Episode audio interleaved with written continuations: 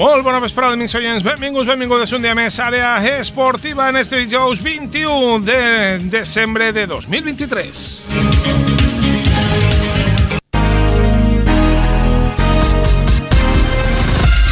Tiara Giselle Saldívar s'ha programat campiona d'Espanya sub-17 amb 15 anys d'alterofília. Alejandro Esteve ha aconseguit eh, el títol de campió d'Espanya per clubs sub-16 en pista coberta després d'haver aconseguit fa dos mesos en pista descoberta. El tindrem amb nosaltres així, als estudis del Cira Ràdio, i parlarem amb el president del club Ricky Sporting, que organitza este diumenge a les 11 des de la plaça Major la quarta Sant Silvestre.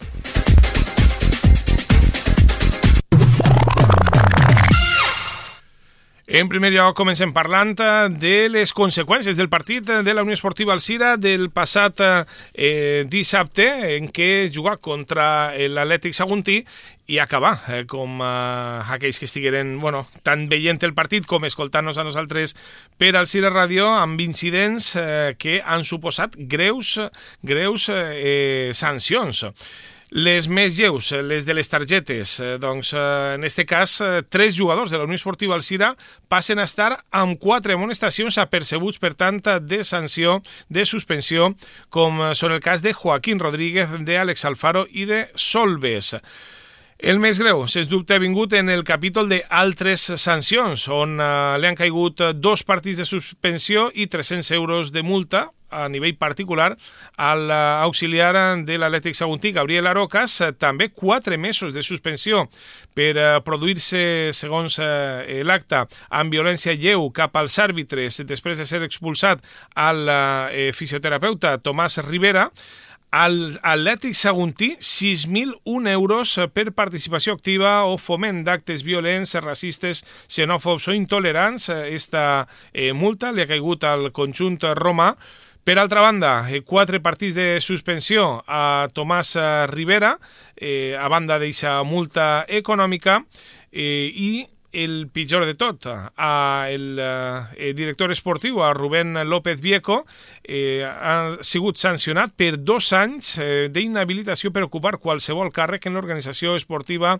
del futbol eh, ja veuen, una sanció greu, com també li ha caigut al directiu de l'Atlètic Saguntí, Fran Llorenç, dos anys per participació activa o foment d'actes violents, racistes, xenòfobs o intolerants. I és que recordem que eh, se li acusava, en este cas, s'havia reflectit en eh, l'acte, que Rubén López s'havia dirigit a l'àrbitre assistent eh, dient-li «Eres un P moro de...» mm, te voy a matar, paraules molt greus eh, amb un to amenaçant i que tot i que després des de l'Atlètic Saguntí s'han eh, efectuat al·legacions, eh, s'ha sol·licitat perdó també de manera escrita, doncs el jutge de competició ha considerat eh, que ahir es queden eh, sancions eh, de dos anys d'inhabilitació per a ocupar qualsevol càrrec a els, a estos dos directius de l'Atlètic Saguntí. Per la seva banda, la Unió Esportiva Alcira també ha sigut sancionada eh, respecte a l'article 90 del, eh, del reglament de competició amb 602 euros eh, per deures propis de l'organització de partits per no complir-los. En aquest cas eh, es va alegar per part de l'Alcira durant la redacció de l'acte que s'havia estat sol·licitant la presència de la Policia Nacional al llarg de la setmana, que en esta ocasió per, eh, se suposa, eh, estar en altres eh, eh, tasques eh, policials, no havien pogut estar en el partit, com si havien estat en altres encontres. No hi ha seguretat eh, privada, la qual, segons ens ha informat el club, no és obligatori en segona ref per a que hi hagi aquesta seguretat en el partit, però ha suposat que estos incidents que ningú s'esperava que pogueren eh, passar, doncs eh, en eh, agafar a l'Alcira sense aquesta seguretat, doncs ha estat sancionat amb 602 euros de multa. Doncs bé, aquestes són, com diguem, aquestes conseqüències que ha tingut per a la Unió Esportiva Alcira i especialment per a l'Atlètic Saguntí el partit eh, del passat dissabte. Anem ja amb coses molt més positives eh, com són eh, el eh, títol de campiona d'Espanya d'alterofília de Tiara Giselle Saldívar o de campió d'Espanya per clubs eh, d'atletisme d'Alejandro Esteve.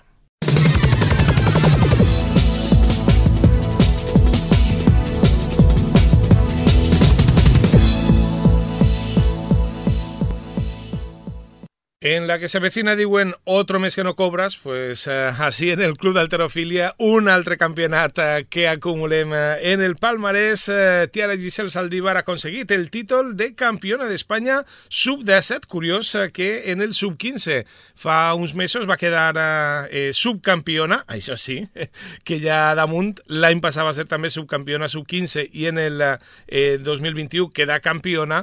Doncs eh, dos eh, títols i dos subcampionats els que acumulen acumulen els últims eh, tres anys, a més de pressupost, arrasar en el campionat autonòmic.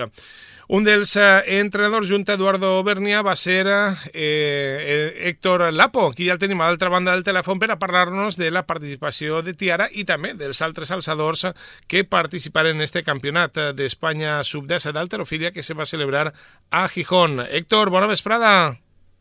Hola David, buenas tardes. Què tal? Com a, bueno, gran cap de setmana. Eh, llàstima que, que els altres no s'arrimaren tant al, al caixó, però, però bueno, almenys eh, tornem amb uh, tres medalles d'or de tiara. Sí, sí, así es, David. Fue una competición bastante buena, bastante disputada por parte de Tiara y, y bueno, realmente conseguimos el, el podium con, con mucho esfuerzo. Uh -huh. 64 quilos en arrancada, 86 en dos temps y un total olímpic de 150. Sí, así es. Eh, en la modalidad de arrancada empezó con 61 kilogramos, y luego intentó hacer 64, porque a ver, para los que no, no conocen mucho, pues nosotros íbamos con una, eh, más o menos con otro entrenador luchando kilo a kilo, uh -huh. a ver quién, quién llegaba al podio. Sí. Entonces, claro, ella empezó con 61, la otra chica, la rival, le puso 62, nosotros subimos a 64 para apretar esa, esa salida de, de la compañera. Ajá. Y bueno, en el segundo tiempo, pues en, en los 64 se le salió un nulo y el tercer movimiento ya le salió válido. Molt bé. I, I en dos y con temps? Ese, con ese peso lo quedó campeón en arrancada. Ajá. Molt bé. La, la segona que, que va arribar al SAR, 62? Eh, sí, exactamente, 62. Ajá. Y luego en el dos tiempos empezamos igualmente con un peso de salida de 80, pero la chica le subió a 82 y nosotros para poder ir delante empezamos con 83 kilos en el dos tiempos y luego subimos a 86. Ajá. Y la chica, pues la rival tenía que subir a 87 para poder ganar la tierra. Uh -huh. Y no, no pudo levantar esos 87 kilos. Tuvo dos oportunidades y, y las dos le salieron uno. Y nosotros Eh, la... luego- sí, luego ya subimos a 88, Tiara lo, hizo el movimiento completo, lo que pasa es que a la hora de cargar se le fue el codo izquierdo un poco ah, hacia la rodilla y, y fue un movimiento nulo, pero Ah. prácticamente estaba arriba. Correcte, o sigui que, que també amb possibilitats de, de seguir uh, progressant quan tan sols té 15 anys d'edat en este campionat sub-17. Sí, sí, claro, claro, es una, una deportista con proyección, con una muy buena proyección hacia, hacia el futuro, de diferentes categorías y, y, y campeonatos, pues, y mm, estamos ahora con una previsión, con una posibilidad de ir a un campeonato internacional, a un europeo, Ajá. porque no le quedan muchos kilos por delante para conseguir esa marca mínima para un campeonato sub-17. Correcte, encara li, li faltaria aconseguir la mínima. Això serà en, en pròximes competicions que puga realitzar. Eh, sí, sí. bueno, aún nos queda, si no me equivoco, el año que viene el campeonato sub-17 se celebra en junio. Ajá. Entonces vamos a intentar hacer todo lo posible para conseguir esa marca. Molt bé. Pero bueno, aún es pronto para decirlo, pero yo intento que, que así sea. En quant està el mínim, la mínima? En 159. Ajá, 9 quilos. Bueno, Sí, sí, sí. No, a ver, no son muchos, pero hay que trabajar bueno. bastante para sí, sí, sí. Vaja que sí. Després tinguérem a Eva Alfaro i Juan Moreno que igualaren les seues eh, marques amb 52 quilos en arrancada, 63 en dos temps i 115 en total, el que va fer l'Alcoyana. Eh, sí, sí, así es. Eh, tanto Eva como Juan pues intentaron superar sus marcas y salimos con un peso aproximado de lo que ellos tenían de máximo. Uh -huh. Eh, lo que pasa es que por unos movimientos técnicos, tanto en la arrancada como en dos tiempos, eh, se les iba la barra, digamos, si no, a, a- a Eva, por ejemplo, se le iba la barra siempre hacia adelante. En los dos movimientos, y en el, ter- eh, el tercero pues ya logró hacer válido los 52 kilos en arrancada. Uh -huh. y en dos tiempos igual. Salió con 63 kilos, intentó superar 65 y por una semiflexión de codo, que también técnicamente pues tiene que ser totalmente fijada la barra sin doblar la- los codos. y hubo una, una semiflexión y fue nulo. Entonces se quedaron con, con sus marcas. Correcte. Per tant, eh, o sea, partien de la seva millor marca i a partir de ahí a, a intentar créixer. Sí, sí, íbamos, la verdad que como era un campeonato nacional y también teníamos mucha ilusión, habíamos entrenado bastante bien y, y sabíamos que podíamos, pero ya te digo, por una parte técnica, pues no no, no subía esa barra. Bueno, subía, pero había una semiflexión de codo que siempre le, le salía y, y daba nulo. Uh -huh. Molt bé. Bueno, el cas és que va, va acabar en la sèptima posició, sext va ser Juan Moreno amb 65 en arrancada, 78 en dos temps y 143 de total. Sí, así es. Igualmente, pues tuvo sus, eh, empezó con 65 kilos y los dos primeros movimientos fueron nulos.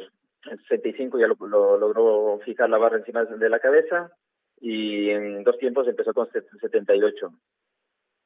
Eh, los dos tiempos, los dos, primeros movimientos igualmente fueron nulos y el tercero ya fue válido. Eh, no era por peso, vamos, que ya, como te digo, estaba habíamos entrenado bastante bien para este campeonato y sabíamos que podíamos levantar más. Uh. Pero bueno, cuestiones técnicas que a veces pasan en los campeonatos, pues eh, no se puede superar siempre la, la marca que uno tiene. Qui sí que va poder superar les marques va ser Rubén Ortiz, que va fer 81 en arrancada, 100 en dos temps i 181 en total, tot i que queda eh, 13 clasificat. Sí, sí, sí, él sí, la, la verdad, eh, antes de este campeonato hizo un pequeño parón, digamos, un paréntesis de la alterofilia y empezó a preparar este campeonato en el mes de, de octubre con mucha ilusión, dejó lo que estaba haciendo y empezó empezamos con la alterofilia otra vez. Y nada, le salió un, un, campeonato prácticamente redondo porque superó sus marcas que tenía anteriormente. Empezó con arrancada, en arrancada empezó con 75 kilos válidos, 78 válidos y 81 válidos. Y luego en dos tiempos con 85 en el primer movimiento, luego fue 90 y vimos que estaba muy muy muy bien para levantar y pusimos 100. Caramba. Bueno, realizando un calentamiento dentro de 95. Ajá. Y fueron, fueron válidos. Molt bé. Entonces, sí, superó sus marcas y muy contento por eso. Fantàstic. I després ja arribava la jornada de diumenge, que, vaja, són, no, no, crec que no és habitual, no?, que, que s'allargue ja a dos dies la competició. Normalment esteu tres dies, però és un d'arribar, un de competir i l'altre de tornar, i en este cas el diumenge va participar Héctor Soto. Sí, sí, fue un campeonato que cada, cada año, cada vez, pues, eh, hay más participantes, hay más competidores y, y no se puede concentrar todos en un, en un solo día. Entonces eh, se decidió hacer en, en dos. Uh -huh. Así las tandas no son tan largas y tampoco los, los deportistas pues están tanto tiempo parados. Molt bé. Y, sí, empezó Héctor el día domingo y, y en arrancada pues no no pudo levantar 84 kilos en la sala de calentamiento empezó con molestias y cuando salía a la plataforma no, no se sentía a gusto, no estaba muy seguro de sí y realizó los tres movimientos nulos. Uh -huh. Y luego ya en dos tiempos ya empezó a sentirse mejor y a venirse arriba un poco y, y hizo los tres movimientos, 95 kilos del primer movimiento, 100 kilos del segundo y 102 de, del tercero. Correcte, que el de 102 no va poder amb ella. No, igual fue técnico, eh, una semiflexión del codo izquierdo, igualmente le dieron nulo, pero la barra fue para arriba. Ajá, molt bé. Bé, ara eh, paren o este cap de setmana, este dissabte encara teniu el torneig de Nadal habitual? Eh, no, ahora ya, ya paramos hasta, hasta, bueno, hasta la primera, hasta, no me equivoco, la primera semana de febrero que empiezan los juegos escolares uh -huh. y el campeonato de liga. Entonces bé. pararemos um, hasta después de Reyes empezamos otra vez a entrenar. Ara un poc de paronet, no? Que, que descansen un poc. Sí, sí, así es. eh, a estos nivells de de d'esport, no? diguem, eh, no podem dir de professionalisme ni molt més, no? però eh, els recomaneu que, que no se'n passen en, en el minxar, i etcètera, que, que, que, vaja, que no s'atiborren? Eh, sí, eh, bueno, también depende el, el objetivo que tenga cada uno, ¿no? Pero sí, si quieres estar en una categoría de peso, pues no tienes que intentar controlar un poquito la, la alimentación. Pero bueno, en estas fechas también no se puede eh, decir que no, que no, que no coma tal cosa, pues Uh hay que disfrutar un poco. Clar, clar que sí, per supost, per supost. Molt bé. I Héctor, aprofitant que parlem amb tu, un any en què has quedat campió de, autonòmic de la Comunitat Valenciana, ara fa eh, menys d'un mes, 18 dies eh, eh, pràcticament, i tercer eh, del Campionat d'Espanya. Eh, sí, David, pero antes de eso, permíteme que me, Sí. antes de que se me olvide, eh, mira, con la participación de los chicos de Héctor, Rubén y Juan, Sí. la, la Federación Valenciana quedó en segundo lugar por federaciones a nivel de equipos.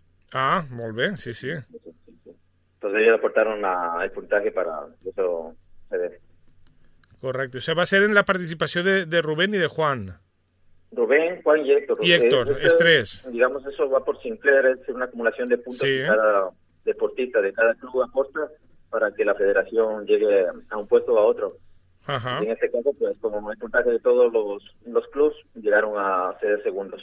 Eh, bueno, llegamos a, la- al segundo puesto por federaciones. Perfecte, que també, també és ressenyable, clar que sí. Molt bé. I ara ja passant a tu, eh, campió autonòmic després de, del tercer lloc en el Campionat d'Espanya. Eh, sí, así es. sí. El campeonato fue el día 2 de diciembre en, en, en Valencia, en la Cruz de Grau. Y fue muy, bueno también porque fue bastante peleado con los, con los rivales que tenía. Estos campeonatos se hacen por un sistema que se llama Sinclair. Es decir, que no va por peso, por categorías de peso corporal, sino por eh, peso levantado más el peso corporal de cada uno. Entonces, eh, mis rivales pesaban más que yo bastante. Uno pesaba ma- más de 101 kilos y el otro más de 81 kilos. Y bueno, pues yo pude ganarles en los, en los tres movimientos. En arrancada, dos tiempos y total olímpico. Fantàstic. puntos. Molt bé. I ara vosaltres, els màsters, quan torneu a competir?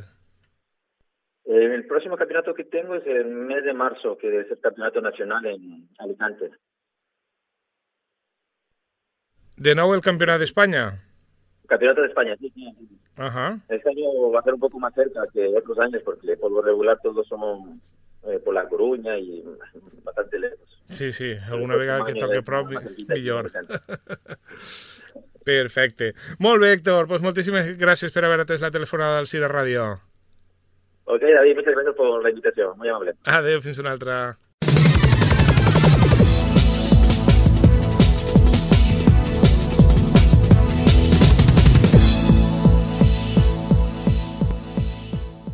Avui parlem eh, d'atletisme perquè este passat cap de setmana es va celebrar el Campionat d'Espanya per equip sub-16 en pista coberta. Fa dos mesos parlàvem eh, de pista descoberta en el riu Túria, on eh, el Platges de Castelló es va proclamar eh, campió per equip sub-16 i allí teníem un protagonista al sirenya com era Alejandro Esteve. Doncs avui tornem a tindre Alejandro Esteve així a la sintonia del Cira Ràdio i d'Àrea Esportiva perquè també s'ha proclamat campió d'Espanya per equips, en este cas en pista coberta i a més amb la sort d'haver-ho pogut celebrar en el pavelló Luis Puig del Cap i Casal.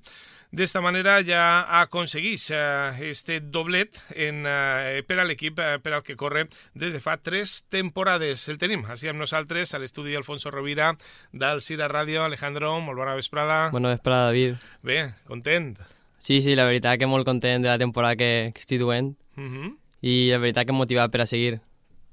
En el club, bueno, és un club que sempre aspira al màxim, no? Però...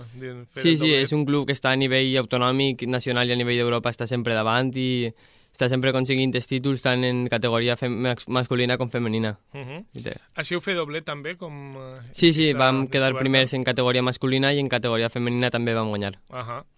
Correcte. Tu hagueres de disputar la carrera de 1.000 metres. Sí, jo vaig disputar la carrera de 1.000 metres contra Xavi Cabanilles, el que ja vam parlar en el, en el de pista a l'aire lliure, que va fer el 3.000 també i va fer una autèntica locura, 2.25, que se va col·locar el primer del rànquing mundial. Uh -huh. I jo amb una marca de 2.34.52 que, lo que, que no se veu de la mateixa manera que la d'ell, perquè la d'ell destaca tant que pensem, hosti, lo de, lo de darrere no serà tant, però la meva marca m'he col·locat el 6 de tota la història a Espanya Uh -huh. On, i el 10 d'Europa de 2023. Ostres. Sí, i segon d'Espanya de 2023 també, Uh -huh. que ha sigut un autèntic marcón també, el que passa que no se veu tant perquè lo d'ella ha sigut una locura. Clar, de fet, eh, amb els teus eh, 2.34.52 superes el rècord del campionat. Si hagueres guanyat la carrera, hagueres també superat el, el no el rècord d'Espanya, però sí el, Sí, sí, el, el- campionat. El rècord dels campionats me l'haver endur jo, que li l'haver llevat a Sergio del Barrio, un, un xaval que, que ara té... És un xaval de 2005 que ha sigut do, de doble, doble campió d'Espanya, doble campió d'Europa i campió d'Espanya i haver tingut el rècord dels campionats i a 3 segons del rècord d'Espanya m'haver quedat. Una, una autèntica passada. És que és això, lo de Xavi Cabanilles, és una Sí. barbaritat. Sí, és el que ja parlàvem en la, en la entrevista, que és, és increïble, i ese xiquet, jo no sé... És un, és un xiquet que és triatleta i és d'ahí de Gandia i, clar, millor que tinga el rècord del món, el, el, el millor test del món i el rècord d'Espanya, un xaval d'ací de la terreta, que, Mhm. que un altre que no coneixem.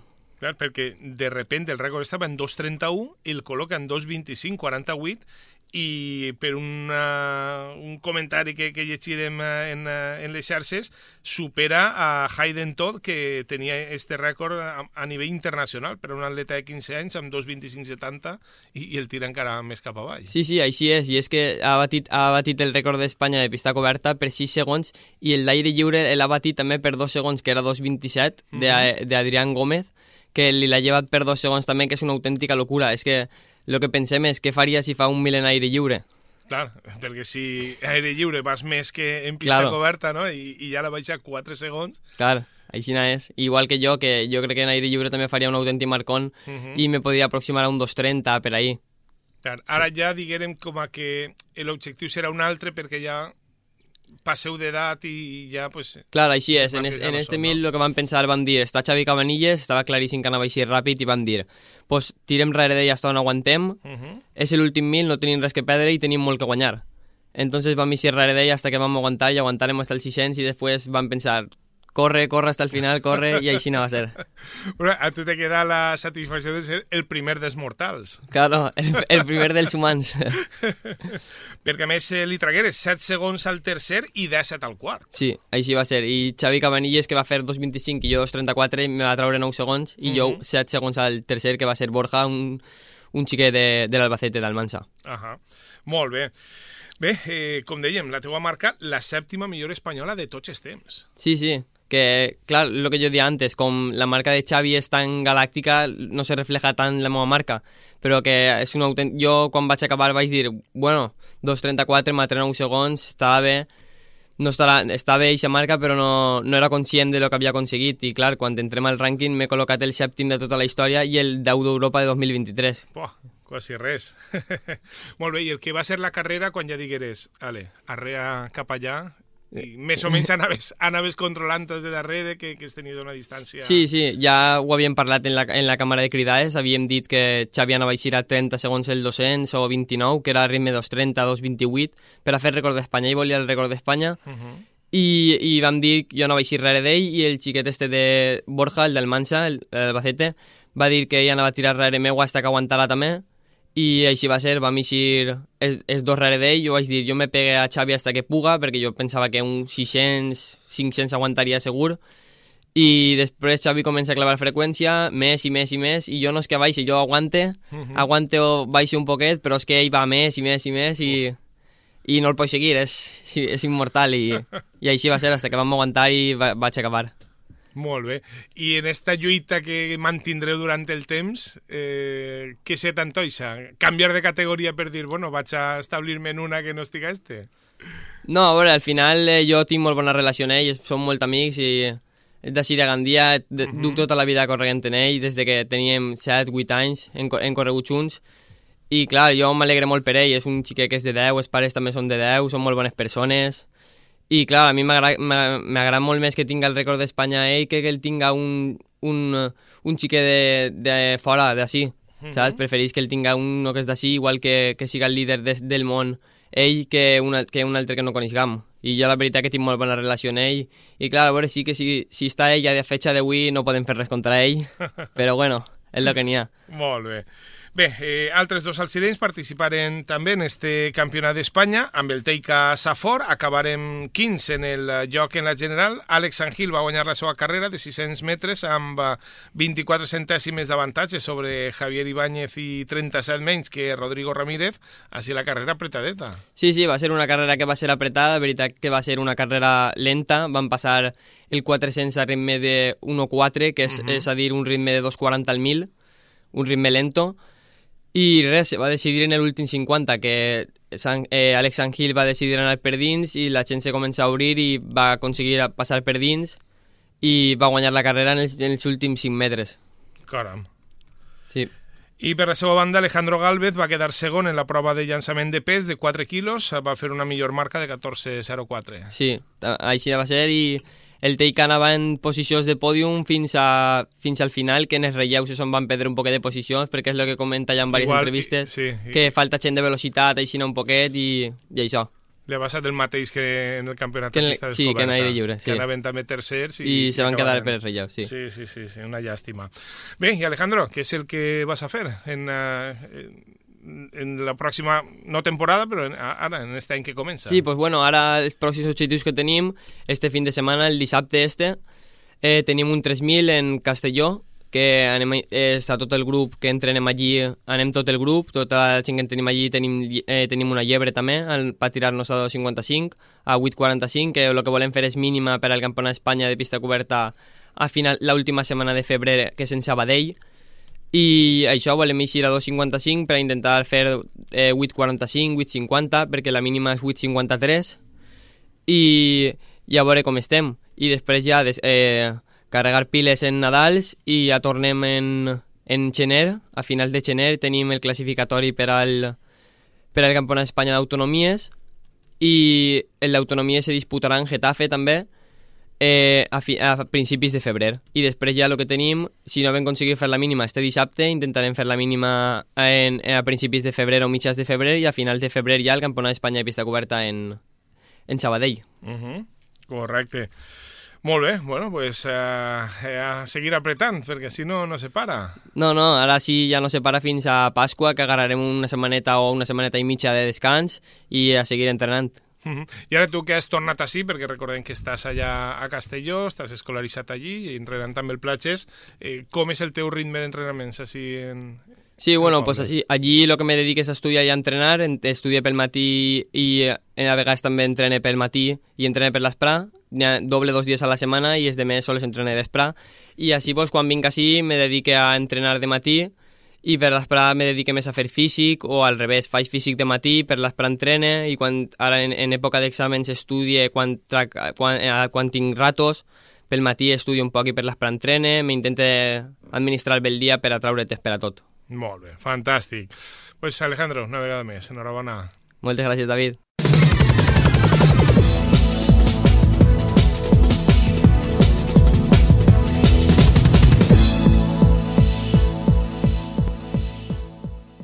Este diumenge a les 11 del matí va tindre lloc eh, la quarta edició de la Sant Silvestre d'Alcira, carrera que començarà a les 11 del matí ja des de la plaça Major acostant-se, bueno, això és per qüestió de caps de setmana, no?